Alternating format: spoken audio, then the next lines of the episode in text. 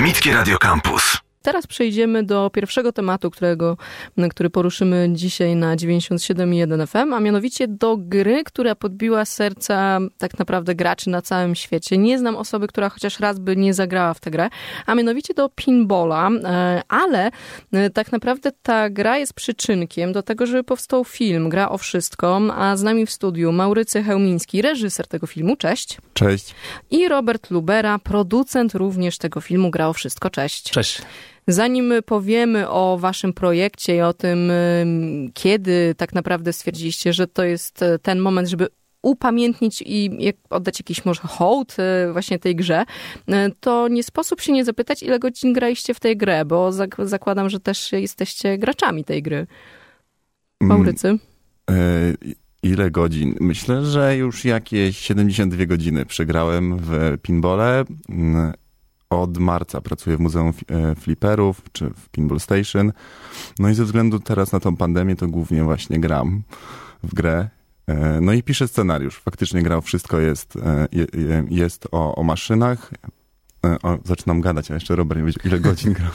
Robert. E, jeszcze o pinballa, to jeszcze pamiętam te czasy, kiedy one jeszcze nie, były nie, nie, tylko w muzeach, także grałem trochę kiedyś, a teraz e, gram tak jakby od nowa już no e, właśnie, bo tutaj powiedziałeś, że ty zaczynasz grać od nowa, ty też e, i że mm, no my jesteśmy z tego pokolenia, które też analogowo bardzo często grało w tego pinbola, ale umówmy się, że są też e, słuchacze i są też ludzie, którzy grają także cyfrowo, są nowe pokolenia, a ta gra mimo wszystko świeci triumfy i jest bardzo, bardzo wciągająca. W czym leży fenomen, że tak, tak naprawdę prosta gra, w obsłudze y, zyskuje rzesze y, nowych y, fanów tak naprawdę z roku na rok i z dekady na dekadę. Może Robert? E, nie jest taka do końca prosta, jak się wydaje na początku, bo jest tam sporo takich technik, e, które pozwalają więcej z tej gry wyciągnąć, na przykład e, nudżowanie, czyli takie przesuwanie fizyczne, siłowe stołu. E, jest też skomplikowane, jak chodzi o samą rozgrywkę, bo jest co prawda no, przeważnie jedna bila, ale są różne misje, jest jakby cały cel tej gry, często jakaś fabuła, która jest związana e, czasami z jakimiś postaciami na przykład filmowymi. E, także no, jest tam trochę więcej niż to się może wydać laikowi, a im więcej się gra, tym jakby więcej można odkryć w tych grach. Maurycy może też o tym coś powiedzieć, bo, bo jest na bieżąco jakby bardziej też z różnymi typami, typami tych pinboli właśnie w muzeum. No nie będę wymieniał tych wszystkich typów, jakie te maszyny są, ale e, raczej właśnie chciałem powiedzieć, że to jest e, to, co we wszystkich grach jest fajne, czyli to, że to się gra z innymi graczami. Czyli jest ten, e, czyli gramy, właściwie gramy sami z maszyną, bez względu na to, czy to jest pinball, czy jakiś in, inna gra arcade, czy czy potem komputerowa, ale właściwie po to, żeby potem się z kimś spotkać i o tym pogadać, albo się pochwalić, albo się porównać, albo no tak jak przy maszynach, przy pinballach, można po prostu w kilka osób stać i, i po kolei próbować zdobyć jak najwięcej punktów i przejść jak najdalej w tej, w cudzysłowie, kampanii. Wiemy gdzie i kiedy narodziła się ta gra, jak stara ona jest, tutaj w cudzysłowie to, w cudzysłowie to ujęłam. Wiemy coś na ten temat, na, na historię jakąś w ogóle tej, tej maszyny, tej gry, bo to nie może być tak, że ona się pojawiła, nie wiem, 10 czy 20 lat temu. Nie, ona się pojawiła już pewnie z 200 lat temu, albo nawet 300 lat temu i początkowo nazywa się Bagatela.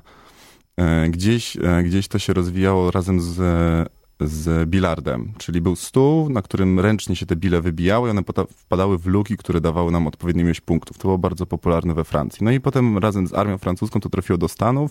Tam zmieniło nazwę z bagateli na pinball czyli gwoździe i kula i właściwie od początku XX wieku to jest ten rozkwit tego gatunku, czyli dochodzi elektryczność, dochodzi elektronika, e, zaczyna się jakieś ciekawe graficzne rozwiązania, no plus dochodzi e, e, przemysłowa produkcja, czyli tych maszyn powstawało coraz więcej, faktycznie się zachowa- w dużej mierze zachowywało do, do współczesności. No i Pewnie U nas w Polsce się pojawiła kiedy? Są jakieś takie pierwsze jakby przesłanki, bo u was na, na waszym fanpage'u gra o wszystko. Jest zdjęcie z kuriera warszawskiego, z ogłoszenia. Tak, tak. I to, to jest y, ten, ten rok, ten czas? Czy to, to było jeszcze wcześniej, później? E, to jest, to jest naj, według nas to jest najstarszy polski pinball, czyli 1938 roku, wyprodukowany w jakimś warsztacie no właśnie nasz film jest o tej tajemnicy, czyli skąd on właściwie jest, jak on trafił do muzeum, jak to możliwe, że wtedy powstawał w Warszawie pinbola, a do dzisiaj nie zachował się żaden oprócz niego. I o tym powiemy już za moment, e, czyli o filmie Gra o Wszystko razem z Maurycym Chełmińskim, reżyserem i z Robertem Luberą, producentem tego filmu. Campus. Campus. Wracamy do tematu pinballa i do e, tematu filmu. Gra o wszystko, tak się nazywa film, który e, będzie powstawać z nami e, w studiu twórcy tego filmu, Maurycy Chełmiński, reżyserem i Robert Lubera, producent. Już wiemy, że ten pinball wcale nie jest taką młodą grą, rozwijał się i wcale nie jest też prostą grą, ale tak naprawdę świeci triumfy i cieszy się popularnością do dzisiaj wśród graczy na całym świecie, również u nas tutaj w Polsce.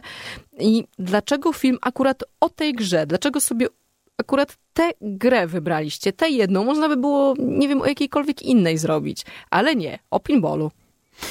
E, przyznam, że e, gra o wszystko jest jakby początkiem dopiero e, całej tej historii, którą tworzymy. To ma być cała seria.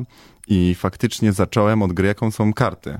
Prostu układam tarota, e, gram w karty i, i wymyśliłem historię o, o tarocie warszawskim, o karcie, który, o kartach do tarota, które kiedyś istniały, no ale już nie istnieją i ta historia się robi dość skomplikowana, a chcielibyśmy już, e, e, już teraz zacząć opowiadać tą historię, a tak się składa, że pracuję w Muzeum Pinboli i wpadliśmy na pomysł, żeby zacząć trochę może od środka tą historię, czyli o, o, czym, o innym wynalazku księżycowych cyganów, czyli o grze o wszystko.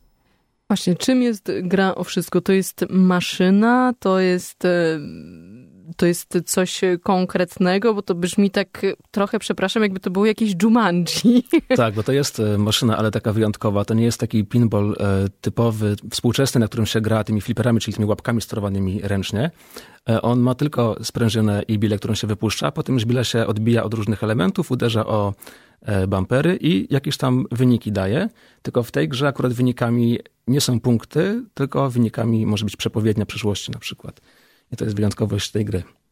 Trochę brzmi to enigmatycznie i trochę strasznie, bo nie wiem, czy chciałabym, żeby jakaś maszyna przepowiedziała mi moją przyszłość, no ale okej. Okay. Kiedy tak naprawdę narodził się ten pomysł? Bo nie, nie wierzę, że w pewnym momencie wstaliście z łóżek i pomyśleliście, o to zrobimy film. E, I generalnie zaczniemy od, od dokumentów i, i będzie to cała seria. Kiedy tak naprawdę powstała ta pierwsza myśl, że, że to będzie właśnie ten pinball? E, już, już wiem, że nie zdążę ci całej historii opowiedzieć dzisiaj, więc będziemy się jeszcze wrócić z Robertem, bo, e, bo, bo wydaje mi się, że najłatwiej będzie to opowiedzieć od potwora z jeziora Bełchatowskiego. Brzmi enigmatycznie równie jak grało wszystko. E, więc ja Robertowi na, na planie innej gry, gry, polskiej odpowiedzi na grę o Tron, e, opowiedziałem historię o tym właśnie, o potworze z jeziora, z jeziora Bełchatowskiego, o tym, że chciałem zrobić dokument na ten temat. I, no i tak jak mówię, to było w sytuacji zawodowej, więc byliśmy dość zajęci i, i ja w to po prostu uwierzyłem e, najpierw, zanim powiedział, że to jest mokument, czyli coś nie do końca prawdziwego, bo właśnie to jest ta różnica między dokumentem i mokumentem, że mokument mówi o rzeczach, które niekoniecznie e, są prawdą. Troszkę tam mieszamy rzeczywistość z fikcją. I taką właśnie formę przyjmie film wasz Gra o wszystko. Tak jest. Czyli będzie trochę prawdy, trochę fikcji, trochę zastanawiania się. Przynajmniej tak mnie mam, że tak to będzie wyglądało przy odbiorze, już przy oglądaniu tego filmu. Tak, i też w tym jest e, właśnie zawarty czasem humor e, w dokumencie, że nowic musi śledzić te tropy między fikcją a rzeczywistością i to się czasem staje, staje zabawne.